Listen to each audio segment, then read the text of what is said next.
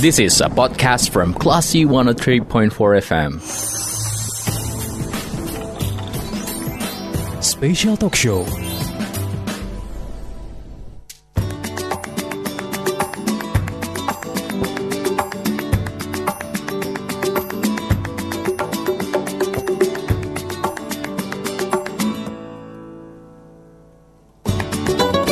One Tripping Forward Classy FM, this is the actual radio. Selamat sore Classy People. Senang sekali saya Audio Fendi bisa menemani sore Anda. Kali ini kita dalam program Cari Lupis Carito Lapau JKN KIS Persembahan BPJS Kesehatan Cabang Padang. Well Classy People Cari Lupis ini akan hadir untuk menjawab semua pertanyaan Anda seputar BPJS Kesehatan. Dan kali ini kita akan ngobrol tentang peran pemuda dalam JKN KIS.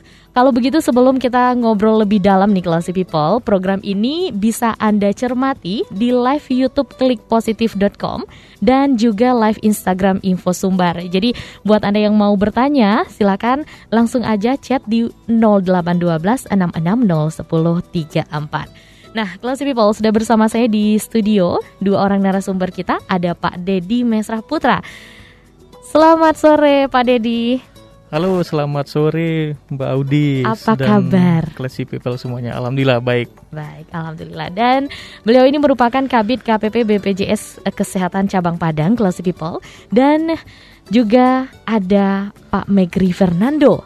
Beliau merupakan Ketua KNPI Kota Padang. Selamat sore, Pak Megri. Apa kabar? Halo, selamat sore Mbak Audi. Tapi oh, panggilannya jangan Bapak. Kalau Agak- kita di pemuda itu panggilannya Bung. Bung, oke deh. Masih Bung muda-muda soalnya. Jiwa yang masih muda. Oke, baik. Classy People, eh, sebelum kita ngobrol lebih eh, jauh mengenai peran pemuda dalam JKN KIS, sebelumnya saya mau ke Pak Debi dulu. Nah, Pak Debi, di masyarakat kita ini masih banyak ya kesimpang siuran dan juga masih banyak yang bingung antara BPJS Kesehatan dengan Jaminan Kesehatan Nasional atau JKN. Nah, kita mesti samain persepsi kita dulu nih, Pak Debi. Apa itu Jaminan Kesehatan Nasional JKN dan juga BPJS Kesehatan? Lalu bagaimana perbedaan antara kedua aspek tersebut? baik, makasih Mbak Audi. Eh, barangkali ini eh, kunjungan kedua kita ya ke Classy kemarin. Alhamdulillah bulan lalu kita sudah menuntaskan juga talk show. Ya, insya Allah mudah-mudahan dapat bermanfaat bagi seluruh Classy People dan masyarakat Kota Padang secara uh, umumnya. Eh, barangkali dapat kami sampaikan gitu. Jadi istilahnya itu bany- eh, ada beberapa sebenarnya Mbak yang cukup dikenal orang kan gitu, yang sering disampaikan. Ada BPJS Kesehatan, yang kedua JKN, Jaminan Kesehatan Nasional. Terus yang ketiga Kartu Indonesia Sehat ya, gitu. Jadi makna ketiga itu pasti orang bilang saya punya kartu BPJS kan gitu. Nah, barangkali dapat kami deskripsikan secara sederhana ya Mbak Audi dan Classy People. Jadi sederhananya gini, BPJS Kesehatan itu adalah instansi penyelenggara dari program yang namanya JKN, Jaminan Kesehatan Nasional, di mana jaminan kesehatan ini nasional ini adalah program dari pemerintah yang lahir dari Undang-Undang SJSN 40 2004 tentang Sistem Jaminan Sosial Nasional eh, dan dari Undang-Undang 24 tahun 2011 lahirlah BPJS. Nah, identitas bagi peserta yang sudah terdaftar dalam program Jaminan Kesehatan Nasional atau JKN adalah Kartu Indonesia Sehat. Nah, sederhananya ya mindset kita di lapangan kalau udah bahas Kartu Indonesia Sehat, ya kartunya mohon maaf warga tidak mampu ya gitu. Nah, itu yang gagal kaprah gitu ya. Jadi KIS atau Kartu Indonesia Sehat adalah identitas bagi seluruh peserta JKN, di mana peserta JKN itu ada beberapa jenis. Ya, sederhananya mungkin kami jelaskan di awal. Yang pertama, yang dibayarkan oleh pemerintah alias penerima bantuan iuran. Ada yang bantu iurannya oleh APBN pusat ataukah suatu eh, APBD kabupaten kota. Nah, yang kedua adalah yang mampu bayar iuran, Mbak. Ada tiga jenis: pekerja penerima upah yang bekerja dalam suatu instansi yang didaftarkan oleh pemberi kerjanya. Eh, yang kedua, pemberi peserta mandiri atau peserta bukan penerima upah alias yang biasanya daftar sendiri tuh. Ada tiga kelas, satu, dua, tiga. Pilih sesuai dengan kemampuan beliau untuk membayar tentunya. Yang ketiga bukan pekerja alias pensiunan. Misalnya awalnya be- eh, di segmen pekerja penerima upah sebagai PNS TNI Polri, pegawai swasta dan segala macam intinya bekerja kalau udah pensiun kan jadi bukan pekerja. Pensiunan PNS TNI Polri dan segala macamnya. Semua segmen yang kami sampaikan tadi kartu identitasnya adalah kartu Indonesia Sehat alias KIS begitu. JKN KIS ya. Ya, kalau- BPJS Kesehatan instansinya JKN Jaminan Kesehatan Nasional programnya KIS identitas bagi peserta JKN gitu. Oke. Nah, Pak Debi kalau untuk prosedur menggunakan kartu JKN KIS ini seperti apa, Pak? Nah, contoh ketika misalnya eh, dijamin nih oleh BPJS Kesehatan saat akses pelayanan kesehatan baik itu di klinik, puskesmas ataupun rumah sakit, Pak Debi. Jadi eh, classy people jangan galau lagi ya begitu. Kalau sudah terdaftar dalam program JKN, udah mendapatkan identitas Kartu Indonesia Sehat atau KIS. Sebenarnya identitas ini sebelumnya simul dinamis ya. Yang pertama itu udah pernah kita dengar namanya kartu Askes. Kartu Askes kuning ya gitu. Yang terus ada eh, kartu BPJS Kesehatan laminating. Ada namanya EID yang dalam bentuk perinan kertas. Nah, yang terbaru itu Kartu Indonesia Sehat. Semuanya itu sama saja. Yang perlu itu adalah nomor kartu kita yang 13 angka aktif, Mbak gitu. Kalau nggak aktif tentunya nggak bisa ngakses layanan kesehatan tuh gitu. Nah, kalau sudah kita mempunyai kartu Indonesia Sehat dan aktif, silahkan kalau sedang butuh layanan kesehatan, silahkan pergunakan eh, penjaminan layanan kesehatannya dengan mempergunakan kartu Indonesia Sehatnya. Prosedurnya sederhana, Mbak. Jadi eh, nggak usah galau dan bimbang gitu ya. Intinya kita ngikutin selama kita ngikutin prosedur yang telah ditetapkan atau sesuai dengan regulasi, ya insya Allah layanan kesehatan itu akan dijamin gitu sesuai dengan eh, penjaminan yang telah ditetapkan. Prosedurnya sederhana, rujukan berjenjang. Mhm. Pernah dengar nggak Maudi? Rujukan berjenjang pernah dengar? Nah, jadi jenjang itu bukan tangga. Mbak. Iya. Rujukan berjenjang itu maksudnya kalau Mbak Udi sudah terdaftar sebagai peserta JKN di Kartu Indonesia Sehatnya kan ada bacaan fasilitas kesehatan tingkat satu. Nah, Mhm. itu bisa kita pilih ada puskesmas, klinik atau balai pengobatan di sana. Mhm. Taruhlah Mbak Udi misalnya terdaftar itu di puskesmas A. Rujukan berjenjang itu maksudnya gini, kalau kita sakit, bawalah kartu KIS yang puskesmas A tadi datangi puskesmas A. Mhm. Nanti Mbak Udi akan dijumpai atau diterima ya. diterima oleh dokter umum kan di puskesmas itu kan ada dokter umum. Mhm. Nah, nanti akan ditindaklanjuti pemeriksaan. Kalau memang sesuai dengan indikasi medis, Mbak Audi ternyata butuh rujuk, butuh tindakan spesialistik. Karena kan kalau di puskesmas nggak ada dokter spesialis ya, yang ada dokter umum. Nah, misalnya contoh butuh spesialis mata, maka Mbak Audi dirujuk oleh puskesmas. Dokter umumnya merujuk ke rumah sakit yang membutuhkan spesialis mata. Ada spesialis mata di sana. Jadi itu maksudnya rujukan berjenjang, Mbak. Kita ke puskesmas dulu atau klinik balai pengobatan tempat kita terdaftar, baru dirujuk ke rumah sakit. Rujukannya itu untuk tindakan spesialis.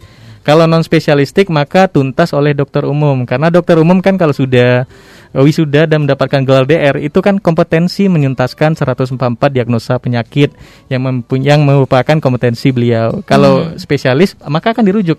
Enggak pun kita minta rujukannya. Biasa kan istilahnya minta rujukan ya Mbak. Iya, minta rujukan, benar. Dah, pailah ke puskesmas A, mintalah rujukan lain. Ah, sederhana Iya, gitu kan. benar. Tapi yang tepatnya itu adalah dirujuk, Mbak, gitu. Kalau minta rujukan tuh misalnya gini, classy people datang ke puskesmas A, belum jumpai dokter umumnya, udah minta, dok, Ambon Nio dirujuk ke spesialis penyakit dalam sih belum diperiksa mbak ya. Iya. Yang kompeten itu kan dokternya tuh gitu. Makanya akan dirujuk. Tapi kalau ondis kondisinya emergensi gawat darurat, silakan langsung ke rumah sakit tanpa rujukan kan nggak mungkin tuh udah nyawanya terancam. Sebentar. Anda Mesti dirujuk dahulu. Meng- Mengikuti prosedur Ya, jenjang tadi ya. harus gitu. Jadi dirujuk istilahnya. Tapi kalau emergensi langsung ke rumah sakit tanpa rujukan. Itu sudah sesuai prosedur. Oke, baik. Juga eh, cukup jelas sekali ya Classy People informasi yang disampaikan oleh Pak Debi dan saya mau ke Bung Megri. Nah, Bung Megri, Komite Nasional Pemuda Indonesia. Nah, kita mau kenalan dulu nih. Seperti apa Komite Pem- eh, Nasional Pemuda Indonesia ini gambaran umumnya? Ah, ya. gambaran umumnya. Komite Nasional Pemuda Indonesia itu sebetulnya adalah serangkaian peristiwa sejarah ya kalau bagi menurut saya dan sejauh yang saya pahami eh, sebagai fungsi KN, KNP itu adalah tempat wadahnya berkumpul bagi seluruh organisasi-organisasi kepemudaan. Mhm. Kita tahu dengan eh, geografis Indonesia yang berpulau-pulau dan banyak eh, budaya, banyak ras, banyak eh, kepercayaan di dalamnya. Itu untuk menjadi satu itu membutuhkan suatu eh, wadah khusus yang memang benar-benar digunakan untuk membina dan mempersatukan kita menjadi sebuah bangsa gitu. Itu awal berdirinya. Di saat eh, dulunya itu ada namanya Sumpah Pemuda di tahun ok- 28 Oktober 1928, rangkaian-rangkaian sejarah yang kembali terjadi sampai berdirinya KNPI itu di tahun eh, 23 Juli 1973. Nah, itu resmi terbentuknya KNPI di mana eh, pada saat itu belum terlalu banyak nih organisasi kepemudaan yang benar-benar eh, aktif dalam ikut serta dalam pergerakan-pergerakan sosial yang ada di Indonesia. Kalau sekarang itu udah banyak di Kota Padang sendiri itu udah bergabung sekitar 38 organisasi kepemudaan yang eh, aktif dan berkecimpung di Kota Padang sendiri gitu. Mhm. Nah, pada awal eh, eh, te- terbentuknya KNPI ini tugas utamanya memang benar adalah untuk menjadi mitranya pemerintah dalam mempersatukan kita sebagai bangsa dan menjadi sebuah mitra strategis di mana kita bisa melakukan pengembangan-pengembangan dan mencari kader-kader untuk dijadikan pemimpin di masa depan. Oke. Nah, eh, seperti apa saja sih bentuk-bentuk kegiatan yang eh, telah dilakukan oleh KNPI yang berkolaborasi tentunya bersama dengan instansi-instansi pemerintah? Nah, kita lebih ke kalau sekarang saya sebagai KN, KNPI itu sebagai mitra stra- strategis dari pemerintah, itu tentunya kita mengartikan dan menjadikan visi misi dari kepala daerah itu menjadi sebuah eh, sebuah aksi tentunya ya, sebuah kegiatan yang mana pada saat ini visi misi dari pemerintah Kota Padang itu sendiri sudah clear bahwa adalah untuk pengembangan eh, generasi muda untuk menyambut bonus demografi yang akan kita songsong di tahun 19, eh, 2030 dan sampai 2045 itu. Dan itu berulang-ulang kali telah disampaikan kepala daerah kita terdahulu yaitu Bapak Maheldi di setiap kesempatan, setiap pidatonya selalu menge- mengkedepankan adalah eh, bagaimana kita membangun generasi muda ini menyongsong eh, bonus demografi di, di tahun 2030 itu. Nah, itulah yang kita artikan dan kita terjemahkan menjadi sebuah kegiatan gitu. Kegiatan yang eh, tentunya dapat bermanfaat bagi organisasi kepemudaan baik yang berada di dalam eh, sudah bergabung di, di dalam KNPI sendiri ataupun yang belum bergabung di eh, KNPI itu. Sebagai satu contoh adalah satu proyek mer- mercusuarnya ya program mercusuar dari Pemko eh, Kota Padang sekarang yaitu adalah eh, program Youth Center yang akan eh, di eh, dinakodai ya untuk dijalankan oleh dan di dilakukan kegiatan itu dan dikomandoi oleh KNPI gitu. Mhm. Nah, begitu mak. Oke, jadi nanti akan eh, semakin dekat dan juga relevan tentunya dengan BPJS juga Nah, saat iya, ini untuk iya, eh, mencapai visi misi serta tujuan yang Iya. sama. Baiklah, people buat Anda yang ingin eh, bertanya ataupun yang sudah punya pertanyaan silahkan langsung saja di WhatsApp kita di 0812 660 1034 dan sekali lagi buat Anda kelas people juga bisa mencermati obrolan kita di live YouTube-nya klikpositif.com dan juga live Instagram Info Sumbar. Kalau begitu kelas people sebelum kita lanjutkan obrolan kita, kita ke commercial break berikut ini dulu. This is a podcast from Classy 103.4 FM. Special Talk Show.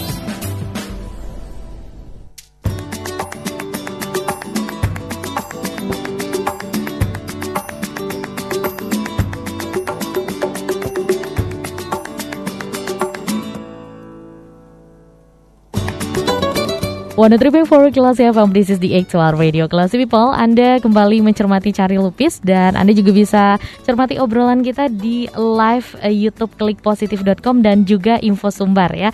Dan Kelas People kita ke Pak Debi. Nah, Pak Debi di masyarakat kita sendiri eh, banyak banget ya yang punya keluhan, punya pertanyaan-pertanyaan nih seputar bagaimana sih sebenarnya informasi dan ke mana mereka bisa menyampaikan eh, keluhan-keluhan tersebut dan seperti apa layanannya Pak Devi di BPJS Kesehatan Cabang Padang. Siap, terima kasih Mbak Audi. Eh, barangkali kelas PayPal dalam artian kalau kita sudah purna kepesertaan JKN KIS sudah terdaftar dan aktif ya. Tentunya ngikutin prosedur seperti yang kami sampaikan di depan tadi. Nah, tidak barangkali eh, ya insya Allah mudah-mudahan jarang ya dan selama kita ngikutin prosedur dan insya Allah semuanya lancar. Kalaupun memang ada suatu mispersepsi atau miskomunikasi di lapangan, kelas people jangan khawatir Jadi ibaratnya nggak ibaratnya jangan jangan khawatir ibaratnya kalau mengalami suatu potensi kendala di lapangan dalam mengakses layanan kesehatan. Jadi kita BPJS Kesehatan itu sudah menyediakan, Mbak, gitu. Jadi ada namanya kanal-kanal layanan e, dan pengaduan di mana kanal-kanal layanan pengaduan itu dapat diakses oleh seluruh peserta JKN. Di Mhm. antaranya salah satunya adalah peserta bisa eh, barangkali di beberapa kesempatan sudah sering kami sampaikan ya. Mhm. Tapi kami insya Allah nggak akan bosan menyampaikan terus. Iya, karena apa? Lancar kaji karena diulang kalau orang Iya. awak kece nah itu. Apa Ya. jalan? Dek ditampuah. Ah, itunya. Jadi kanal-kanal admi, kanal pengaduan atau eh, kanal pengaduan yang bisa diakses oleh peserta informasi pengaduan di pertama itu adalah eh, bisa mengakses care center 15500 400 1500400 24 jam itu Mbak. Mhm. Jadi tinggal tekan aja eh, nomor handphonenya, tinggal terhubung di sana, sampaikan indikasi keluhan yang disampaikan. Yang kedua ada aplikasi namanya Mobile JKN. Mungkin nanti dapat kita bahas singkat aplikasi Mobile JKN ya Mbak ya. Nah kalau sudah registrasi aplikasi Mobile JKN, tinggal tekan menu pengaduan. Nah, di sana tinggal disampaikan saja informasikah atau pengaduan yang ingin disampaikan. Disampaikan di sana apa aja sih. Nanti tinggal dicurhatin aja di sana terhubung Mhm. dengan petugas kami nanti tentunya. Terus yang ketiga bisa melalui eh, apa kanal lainnya. Ada kalau di rumah sakit itu Mbak, kita ada petugas namanya petugas BPJS 1, BPJS yang membantu yang akan berkolaborasi dengan petugas PIPP rumah sakit, pemberi Mhm. informasi dan penanganan pengaduan rumah sakit. Jadi kita sudah menyediakan petugasnya. Kalau dulu kan galau dan bimbang ya, kalau udah di rumah sakit ada informasi atau indikasi keluhan, ya yang tahunya berpasrahkan diri kepada yang Iya. kuasa gitu. Nah, sekarang laporkan. Nah, kalau di rumah sakit itu ada eh, petugas BPJS 1. Itu kita sudah menempel 5 poster di suatu titik rumah sakit yang bekerja sama dengan BPJS Kesehatan. 5 ya, Mbak ya, bukan Mhm. satu, 5. Yang titik-titik yang gampang diakses. Itu yang pertama. Di ruangan IGD, yang kedua di ruang farmasi alias nunggu obat ya Mbak ya. Mhm. Yang ketiga ruang pendaftaran yang biasanya untuk administrasi. Yang ketiga empat ruang pendaftaran poliklinik rawat Mhm. jalan. Yang kelima ruang pendaftaran untuk eh, rawat inap. Ada posternya eh, tertempel sebelah kiri PIC rumah sakit, sebelah kanan PIC BPJS Kesehatan. Ada foto, ada nama, ada nomor HP-nya. HP-nya jangan khawatir itu aktif mbak. Gitu. Mhm. Nah jadi tinggal dihubungi saja gitu. Jadi nggak usah khawatir sekarang eh, dalam hal eh, jikalau ada informasi yang dibutuhkan ataukah indikasi suatu pengaduan. Di samping itu tentunya bisa ke kantor BPJS Kesehatan setempat begitu. Kalau memang empat kanal di awal itu memang peserta eh, nggak bisa ngakses kan gitu. Hematnya kan banyak kan Iya, pilihannya. benar. Tergantung pilih senyaman mungkin. Mhm. Tapi hemat kami gunakanlah kanal-kanal non tatap muka ya. Era pandemi Covid ini kan stay dengan new normalnya kan gitu. Kemudahan diberikan ya kita sebagai masyarakat apalagi classy people kan gitu eh, harus memanfaatkan yang mudah. Jangan Iya. mempersulit diri kita sendiri kan. Benar. Dan itu juga termasuk ke dalam uh, pelayanan uh, yang diberikan oleh BPJS Kesehatan di masa pandemi ini ya Pak Devi. Betul sekali. Baik, Mbak. Pak Devi kita mau ke pertanyaan dulu nih karena sudah Boleh. banyak banget yang Ah, mengantri di uh, WhatsApp kita. Assalamualaikum uh, Radio Klasi, Waalaikumsalam. Saya mau nanya nih, apakah kartu KIS yang jarang dipakai atau bahkan tidak pernah dipakai bukan karena gengsi tapi memang jarang sakit? Apakah kartu tersebut dinonaktifkan atau bagaimana? Terima kasih. Oke. Langsung dijawab. Boleh langsung Oh, dijawab siap. Pak silakan. Saya kira satu jam kemudian mau dijawab. Serius banget ya, Mbak. ya? Intermezzo. Nah intinya nggak ada istilah kalau kartu Indonesia Sehat alias KIS kita yang awalnya aktif dinonaktifkan karena tidak pernah digunakan itu nggak ada mbak persepsi demikian. Mhm. Jadi istilahnya selama kartu kita itu dengan database yang valid, data kita oke. Dalam artian nomor induk kependudukan di master file kepesertaan juga online capil, itu kartunya akan aktif. Tergantung segmentasi kepesertaannya mbak ya. Kalau yang misalnya dari pemerintah bisa jadi dinonaktifkan itu kenapa? Ya karena tidak masuk ke dalam data lagi. Maksudnya tidak masuk ke dalam data yang berhak menerima. Ya otomatis dinonaktifkan dong mbak gitu. Karena kan eh, indikasi tidak mampu itu kan dinamis ya. Nggak mungkin Mhm. tidak mampu itu seumur hidup gitu. Bisa jadi potensi ke depannya ya alhamdulillah kesejahteraan meningkat gitu. Terus yang kedua eh, bisa jadi nggak aktif itu karena apa? Karena kalau mandiri menunggak iurannya. Mhm. Kalau peserta mandiri kan wajib bayar iuran setiap bulan kan gitu. Satu bulan aja menunggak kartunya nonaktif. Nah, terus yang lainnya gitu. Intinya selama data kita valid, iurannya dibayarkan secara rutin, insya Allah uh, kartu kita akan aktif. Jadi nggak ada istilah non aktif karena tidak dipergunakan gitu. Bukan karena gengsi tapi karena jarang Betul sakit. Betul sekali. Alhamdulillah Mbak sehat gitu. Alhamdulillah. Baik. Oke, kelas people kita masih nampung untuk pertanyaan Anda. Nanti kita bakal jawab lagi Pak Debi. Kita mau ke Bung Megri dulu. Nah, menurut Bung Megri nih, bagaimana sih cara untuk menumbuhkan kesadaran akan jaminan kesehatan kepada pemuda kita karena masih banyak banget ya pemuda kita yang saat ini kurang peduli terhadap kesehatan dan uh, ini kita ngomongin khusus untuk Kota Padang. Kebanyakan setelah sakit baru deh berobat gitu ya. Bagaimana menurut Bung uh, Megri silakan. Mungkin kita di dunia kepemudaan ya, pemuda itu mungkin masih sering merasa bahwa kita itu masih muda gitu, jarang sakit. Gitu. Mm -hmm uh, masih fit lah begana lah dan lain-lain lah ya. Mm-hmm. Uh, namun satu hal yang perlu kita sadari bahwa penyakit ini kan bisa dikatakan adalah musibah itu. Mm-hmm. Kita tidak pernah tahu kapan datangnya penyakit.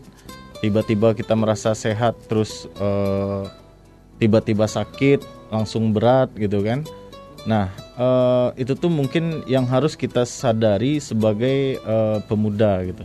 Mm-hmm. Nah belum lagi banyak contoh ya juga kita lihat bahwa uh, banyak juga itu walaupun masih muda terus mendadak uh, sakit berat dan langsung meninggal dunia gitu. Hmm. Nah, hal-hal seperti ini yang mungkin harus kita sadari dan selalu kita edukasi masyarakat uh, kawan-kawan kita yang masih ter, uh, tergolong youth lah ya, mungkin masih merasa pede dengan daya tahan tubuh dan uh, bodinya gitu ya. Hmm. Uh, untuk uh, aware gitu terkait hal uh, penyakit ini. Nah, uh, mungkin juga kita juga harus memberikan edukasi bahwa kalau tidak ada asuransi kesehatan, asuransi jiwa itu biaya pengobatan itu pasti mahal. Mm -hmm. Nah, mungkin kita ada filosofi lebih baik mencegah daripada mengobati. Gitu. Mungkin kita tambah lagi sekarang lebih baik uh, mencegah daripada mengobati. Tetapi lebih baik diobati oleh uh, BPJS Kesehatan daripada bayar sendiri. Daripada bayar sendiri. daripada bayar sendiri.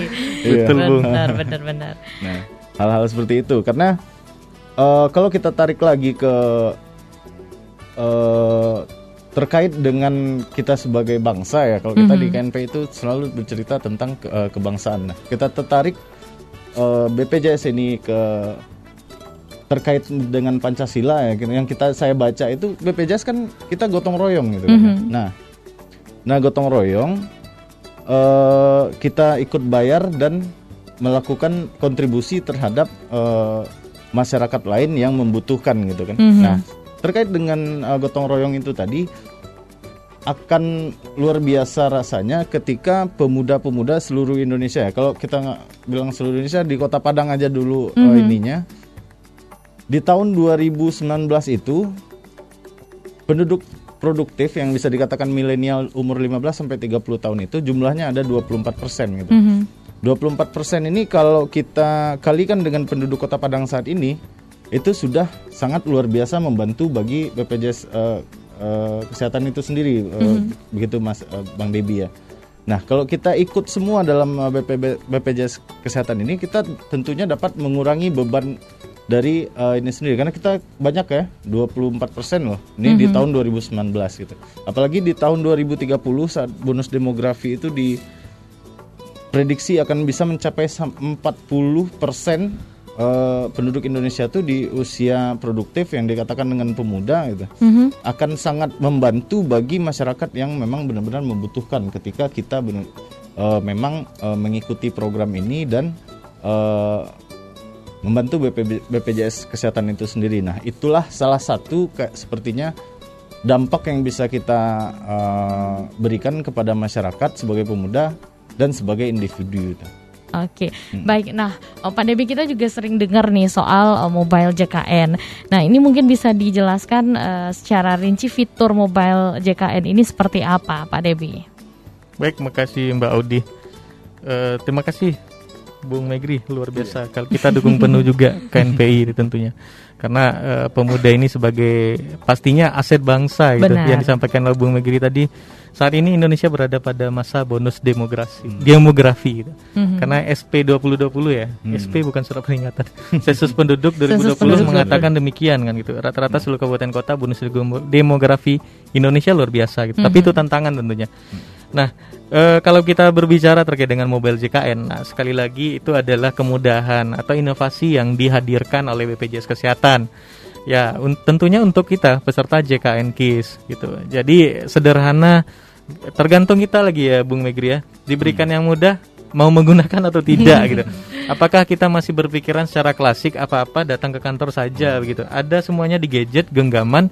Ya, kami himbau kepada classy people gunakanlah mobile JKN-nya, gunakan gadgetnya itu secara bijak. Tentunya tinggal mendownload saja eh, Mbak Udi atau Bung Megri. Eh, cari di Play Store dengan kata kunci mobile JKN.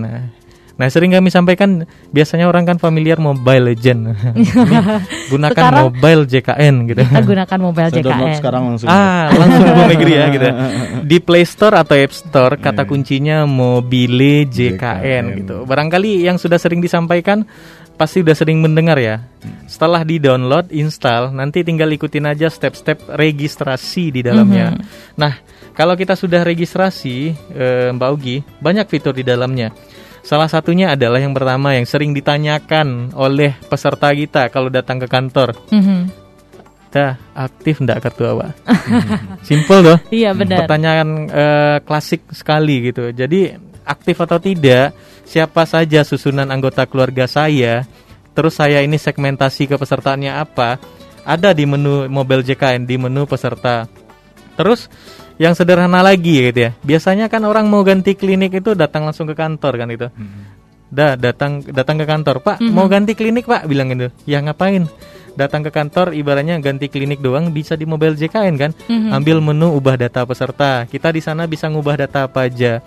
Misalnya eh, perbaikan nomor HP, alamat email, alamat surat menyurat, eh, perubahan vaskes tingkat satu. Kita mau ganti klinik atau puskesmas kita bisa di sana.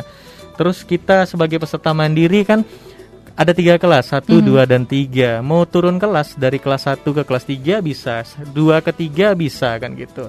Nah, ngapain kita repot-repot datang ke kantor ganti klinik, Mhm. turun kelas mandiri begitu. Silahkan digunakan aplikasi mobile JKN-nya. Ada menu ubah data peserta. Terus ada menu ngecek tunggakan, Mbak, ngecek tagihan. kan klasik ya, Mbak ya gitu Iya. biasanya. Datang ke kantor misalnya ini alamatnya misalnya ini contohnya nih di Bungus. Datang ke Katip tuh tek tek tek nanya, "Pak, tunggakan saya udah berapa?" gitu. Cek aja secara sendiri. Terus ada lagi fitur yang namanya eh ketersediaan tempat tidur Mbak Udi Bung Megri ya. Jadi ini menjawab dinamika yang masa lalu ya gitu.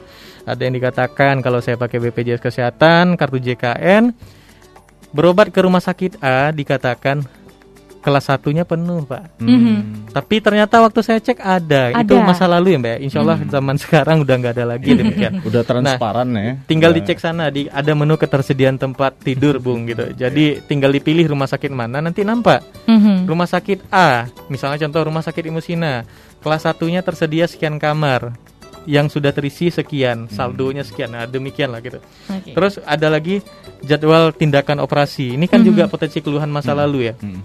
Dulu dikatakan adalah lima tahun nambonya ke operasi Pak dari panggil dong. Iya benar. Jangan khawatir, di sana ada lagi menu jadwal tindakan operasi. Terus ada menu chat online sama dokter. Chat online ini maksudnya kita tinggal ambil menu konsultasi dokter. Jadi kita udah bisa chatting konsultasi medis dengan dokter di klinik kita gitu. Nah, yang lainnya banyak kan gitu.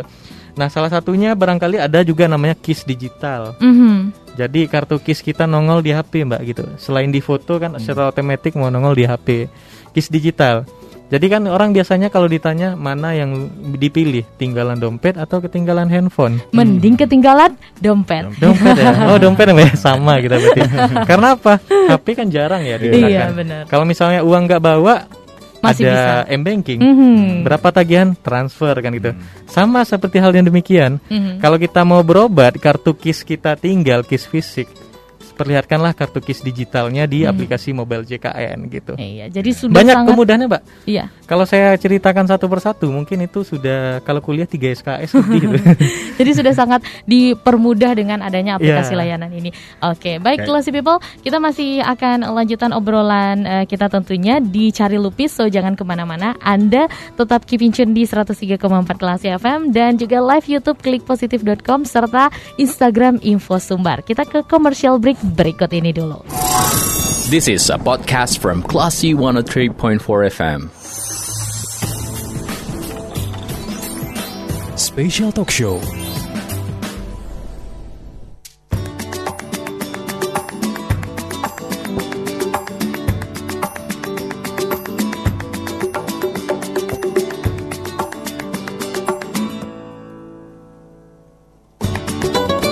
One and three point four Kelas FM, this is the actual radio Kelas People. Anda kembali mencermati Cari Lupis di 103,4 Kelas FM dan Anda bisa juga cermati kita di live YouTube-nya klikpositif.com dan juga live Instagram info sumbar tentunya. Nah, Pak Debi kita udah ngomongin eh, banyak hal nih tentang eh, BPJS Kesehatan dan juga bagaimana peran pemuda terhadap kesehatan di masa tua dan juga masa sekarang.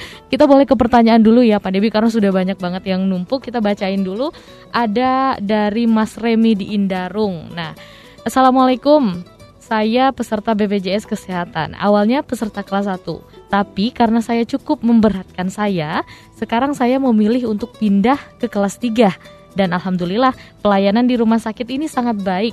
Tapi pertanyaan saya, ketika saya mengurus administrasi di BPJS, masih harus fotokopi KTP, KK dan lain-lain. Kenapa masih seperti itu? Dan jika ini masih terjadi ketika saya masih belum pakai aplikasi JKN Mobile. Jadi kurang tahu. Jadi bagaimana nih eh, Pak Debi? Eh, dengan Mas siapa tadi, Mbak Odi? Ada Mas Remi di Indarung. Mas Remi ya, salam sehat Mas Remi gitu. Alhamdulillah sudah terdaftar sebagai peserta JKN KIS ya. Hmm. Setidaknya satu langkah lebih maju Mas Remi sudah sadar akan arti pentingnya punya jaminan kesehatan. Nah intinya tadi seperti yang kami sampaikan tadi sama Mbak Udi atau Bung eh, Megri tadi ya. Intinya filosofinya kita daftar sebagai peserta JKN KIS adalah untuk adanya suatu jaminan kesehatan. Jangan sampai yo ibarat ke- pepatah kata orang tua kita kan sedia payung sebelum hujan mbak Hmm. jangan kita sudah hujan lebat baru cari Baru payung cari payung ya. kehujanan kita nanti gitu. Nah, jadi sekedari sehat, marilah kita daftar sebagai peserta JKN KIS gitu. Jadi suatu saat eh, kita atau anggota keluarga sakit, ya insya Allah akan dijamin selama ngikutin prosedur gitu. Insya Allah akan dijamin dan kartu kita aktif tentunya. Kalau tadi eh, udah Remi tadi ya gitu. Turun kelas banyak sebenarnya. Kalau prosesannya banyak. Seperti yang kami sampaikan tadi. Udah Remi bisa ngakses telepon 15500 400 Mhm. di mobil JKN kalau udah registrasi ambil menu ubah data peserta tinggal diturunkan kelasnya atau eh, ke kantor kami kan Ad- ah, nanti di ending nanti di akhir kami akan sampaikan kita ada inovasi namanya panduan layanan melalui WhatsApp jadi kalau WhatsApp ya simpelnya nggak akan ada hard copy hard copyan gitu cukup semuanya itu sudah dari HP semuanya tapi tersedia eh, internet yang aktif dari HP-nya gitu. Di barangkali itu dapat kita pastikan kapan itu kejadiannya kan gitu dan segala macamnya. Kalau udah periode eh, kurang lebih eh, setahun atau dua tahunan ini, insya Allah udah nggak lagi mbak gitu. Tinggal datang. Paling yang kita perlukan kalau untuk turun kelas ya, yang pertama beliau nggak menunggak iurannya. Kalau sudah eh, kartunya aktif, tinggal diproses. Turun kelas atau naik kelas bisa dilakukan dengan catatan beliau terdaftar satu tahun di kelas sebelumnya. Misalnya dari kelas 1 mau turun ke kelas 3 Ya minimal terdaftar di kelas sebelumnya itu satu tahun gitu Atau begitu juga naik kelas mbak gitu Jadi sederhana sih mbak nggak ada suatu proses yang eh, ribet atau bagaimana begitu. Nggak sampai ada namanya apa namanya minta kalau untuk turun kelas gitu minta surat persetujuan dulu dari orang tua enggak. Cukup lampirannya itu kalau sederhana kalau awal-awal dulu cukup fotokopi KTP KK doang kan gitu. Tapi kalau sekarang kan banyak kan layanan tidak langsung yang kami sampaikan tadi. Oke, jadi untuk Mas Remi silahkan eh, dengan kemudahan ini bisa dimanfaatkan dengan juga mendownload aplikasi mobile, Mobile JKN, tentunya. atau kalau nggak di download telepon 15400 400. Iya, Nanti ada namanya layanan WhatsApp juga. Oke, nah eh, Pak Debi kita ada pertanyaan lagi dari Mas Arif di Surau Gadang. Oke. Eh, Pak Debi, denda BPJS Kesehatan itu akan berlaku kalau peserta telat bayar berapa bulan dan di masa pandemi ini apakah semua pelayanan sudah bisa dilakukan secara online? Soalnya saya pernah lihat ada antrian di kantor BPJS. Semoga Pak Debi. Eh, denda ya. Kalau Mas Arief dari Surogadang maksudnya barangkali gini, denda kalau dalam hal beliau telat bayar sebelum melunasi dikenakan denda itu nggak ada gitu. Mhm. Jadi intinya kalau awalnya kita sebagai peserta mandiri dan menunggak gitu, menunggak ya kita eh, sederhana seperti yang saya bilang tadi, satu bulan saja menunggak kartu kita maka nonaktif. Nah, apalagi enam bulan tuh eh, Bung Megri ya gitu ya.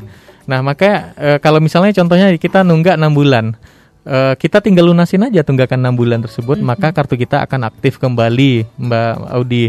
Nah, tapi sesuai dengan peraturan Presiden 64 tahun 2020 gitu ya tentang jaminan kesehatan, seperti yang saya sampaikan tadi, misalnya menunggak kita enam bulan, otomatis kartu nonaktif. Lunasin tunggakan 6 bulan, maka kartu kita akan aktif. Tapi dari tanggal kartu kita aktif sampai 45 hari ke depan, kita berada pada masa namanya periode denda layanan rawat inap. Mhm. Dari tanggal melunasi tunggakan sampai 45 hari ke depan, kita berada pada masa periode denda layanan rawat inap. Artinya apa? Selama 45 hari tersebut, jikalau kita atau anggota keluarga kita sedang sakit atau butuh layanan rawat inap ya Mbak ya, rawat inap, maka akan dikenakan denda layanan rawat inap. Sebesar berapa? 5% dikali biaya di rumah sakit kali bulan menunggak. Nah, bulan menunggak ini dikali maksimal 12 bulan, Mbak, gitu. Jadi dalam artian kalau dia 6 bulan menunggak berarti 5% kali biaya kali 6 bulan Kali enam menunggak. bulan lamanya menunggak. Nah, setelah dibayar denda layanan rawat inap, maka eh, biaya layanan kesehatan di rumah sakit untuk rawat inapnya dijamin oleh BPJS Kesehatan. Terus pertanyaannya rawat jalan kan ada denda nggak? Enggak. Rawat jalan nggak ada. Mhm.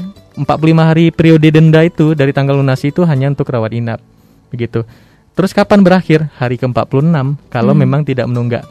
Gitu. Terus kaitan lainnya tadi ada layanan nggak yang mempermudah hal tersebut begitu ya? Iya. Gitu ya. Ban- eh, sekarang itu kita ada namanya Pandawa. Inovasi ya Mbak ya. Selama Mhm. pandemi ini kita ke- kita eh, buat salah satu kanal namanya Pandawa. Namanya cukup familiar ya Pandawa ya. Pandawa dan Kurawa gitu. Pandawa itu panduan layanan melalui WhatsApp. Hmm. Nah, kalau zaman sekarang kan sangat familiar ya Bung Megri ya. Iya. Kalau ditanya misalnya saya kenal sama Bung Megri, ada WA dah bilang gitu. Ah itu WhatsApp kan identik. Nah eh, hematnya bagi siapa pun yang mempunyai WhatsApp bisa mengakses WhatsApp. Nah silahkan gunakan layanan WhatsApp BPJS Kesehatan. Pandawa panduan layanan melalui WhatsApp BPJS Kesehatan. Bisa dicatat nih, Classy People, nomornya ya, nomor layanan WhatsApp BPJS Kesehatan. 0821 0821 7213 8118. Saya ulangi ya. 0821 7213 8118. Itu bisa diakses untuk 5 kabupaten kota, Mbak, yang jadi wilayah kerja kami, BPJS Kesehatan Cabang Padang. Mhm. Kota Padang, Pariaman, Pesel, Padang Pariaman dan Kabupaten Kepulauan Mentawai gitu. Bisa ngakses di sana. Jam kerjanya Senin sampai Jumat dari jam 8 sampai jam 3 sore bisa ngakses Pandawa. Tapi jam 12 sampai jam 13 memang isoma gitu. Jadi selama masih periode tersebut gunakan saja WhatsApp-nya gitu. Kayak tadi itu misalnya contohnya mau ganti klinik kita ndak paham eh, registrasi mobil JKN nanti Mhm. dibantu di sana. Gunakan saja Pandawa administrasi WhatsApp. Oke, jadi juga sudah sangat dimudahkan sekali Classy People dan tentunya dengan sosialisasi yang terus kita lakukan seperti yang saat ini juga akan menyebar luaskan lagi informasi-informasi untuk eh, kemudahan layanan BPJS Kesehatan. Dan saya mau ke Bung eh, Megri. Iya. Nah, eh, pemuda di di zaman sekarang ini seperti yang kita ketahui tadi ya eh, cukup eh, kurang cukup aware terhadap eh, kesehatannya. Nah, mungkin eh, Bung Megri punya eh, step ataupun bagaimana sih mengajak pemuda ini untuk Hmm. supaya eh, akan lebih aware dan peduli terhadap kesehatannya. Iya, mungkin eh, sesuai dengan ininya ya, eh, Mbak Audi ya. Sebagai fungsi kita itu adalah mengedukasi kawan-kawan di organisasi organisasi kepemudaan eh, bagaimana pentingnya eh, melakukan informasi yang terus-menerus. Mungkin Mhm. itu kita dapat lakukan karena di bawah eh, bukan di bawah ya, di dalam tubuh KNP itu sendiri sudah banyak tuh cabang-cabang uh, organisasi kepemudaan gitu.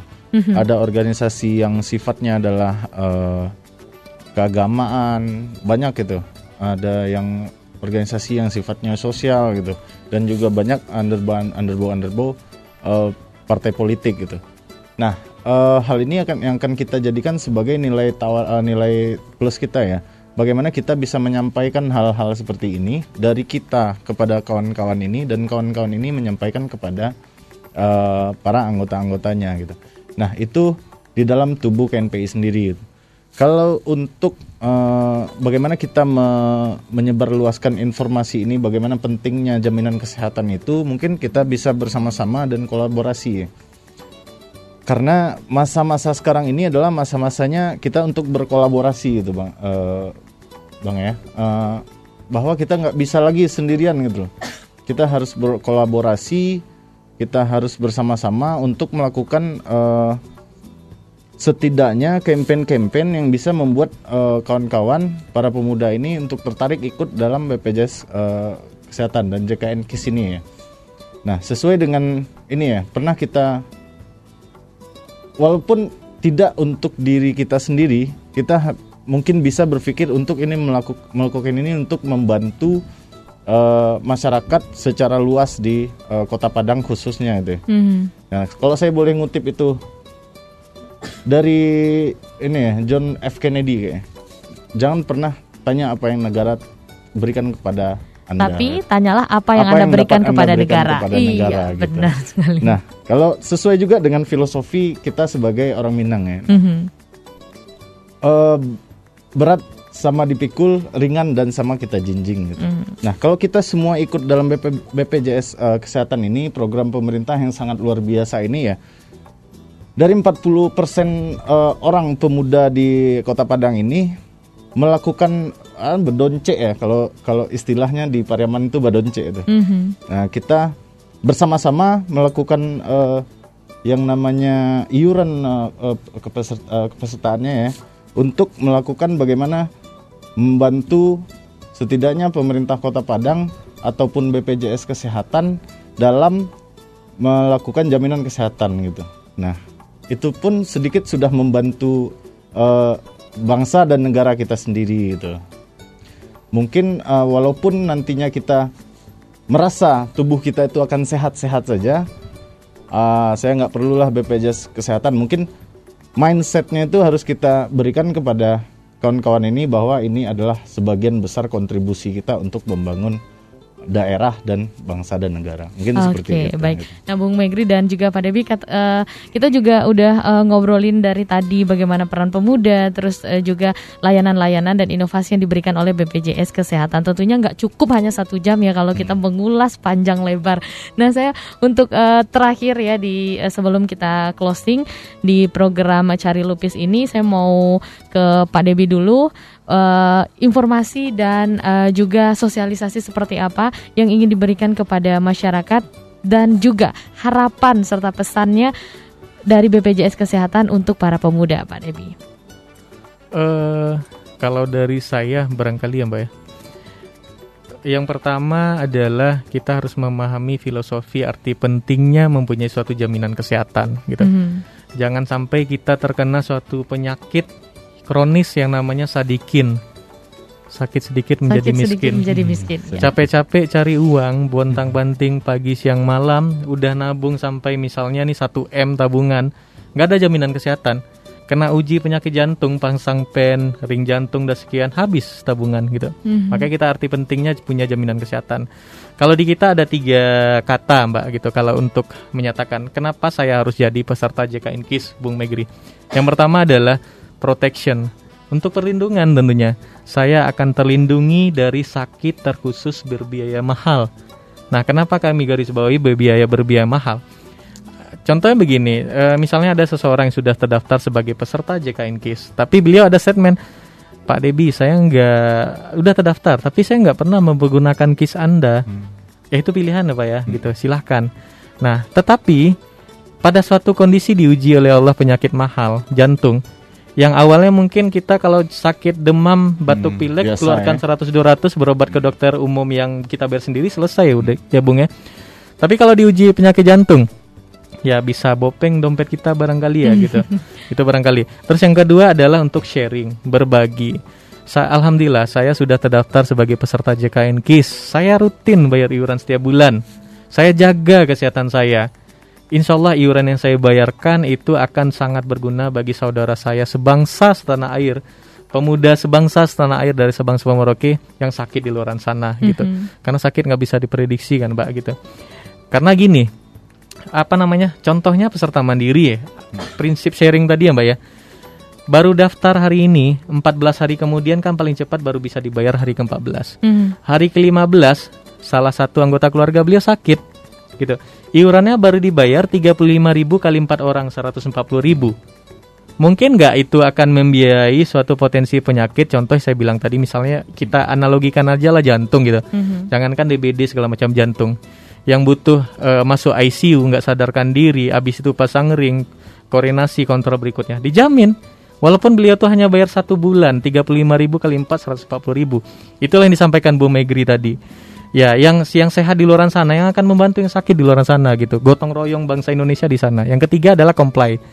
Kita tentunya mengikuti regulasi yang telah ditetapkan oleh pemerintah begitu. Nah, tentunya kaitannya dengan KNPI kami sangat apresiasi. Kenapa? Ya, dari eh, bonus demografi Indonesia dari SP 2020. Nah, itu tantangan kita tentunya ke depan. Pemuda eh, tentunya jadi garda terdepan gitu. Dan hal yang tadi, kalau kaitannya dengan BPJS Kesehatan, palangkali mindset arti pentingnya punya suatu jaminan kesehatan. Nah, kami yakin Bung Megri dan tim pasti hematnya akan berkolaborasi dengan baik dalam hal meluruskan mindset gitu ya. Jangan kalau udah sakit baru ingat BPJS Kesehatan. Mhm. Harusnya dari sehat kita daftar sebagai peserta JKN KIS. Terus yang terakhir, BPJS Kesehatan sudah menyediakan berbagai macam kanal layanan. Nah, kita sebagai peserta tentunya harus memilih yang gampang gitu. Jangan eh, diberikan suatu kemudahan tapi kita masih eh, pola pikir kita masih mohon maaf tradisional ya. Mhm. Belum kita coba, kita udah menganggap suatu inovasi itu susah. Gitu kan, Bung? Banyak kan gitu ya, Bung ya? benar. Udah diberikan suatu kemudahan tapi masih tradisional. Pasti payah gue bilang. Belum dicoba gitu. Itulah cobaannya kali ya. Ah, itulah cobaannya karena nggak mencoba gitu ya, Bung Megri ya. Ya harapan kami gunakanlah kanal-kanal layanan tadi, baik itu administrasi atau informasi dan pengaduan. Terus terakhir, terakhirnya banyak ya tadi terakhir. Intinya kalau ada suatu pengaduan udah ngikutin prosedur, jangan khawatir, deh, Bung.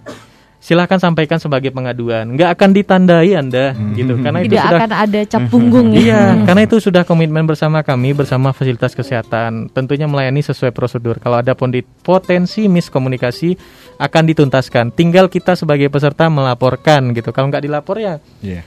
habisnya di dalam hati kita saja begitu. Mhm. Barangkali Mbak. Baik, kalau Pak eh, Bung Megri nih harapan dan juga himbauannya untuk pemuda terkait dengan eh, program JKN KIS.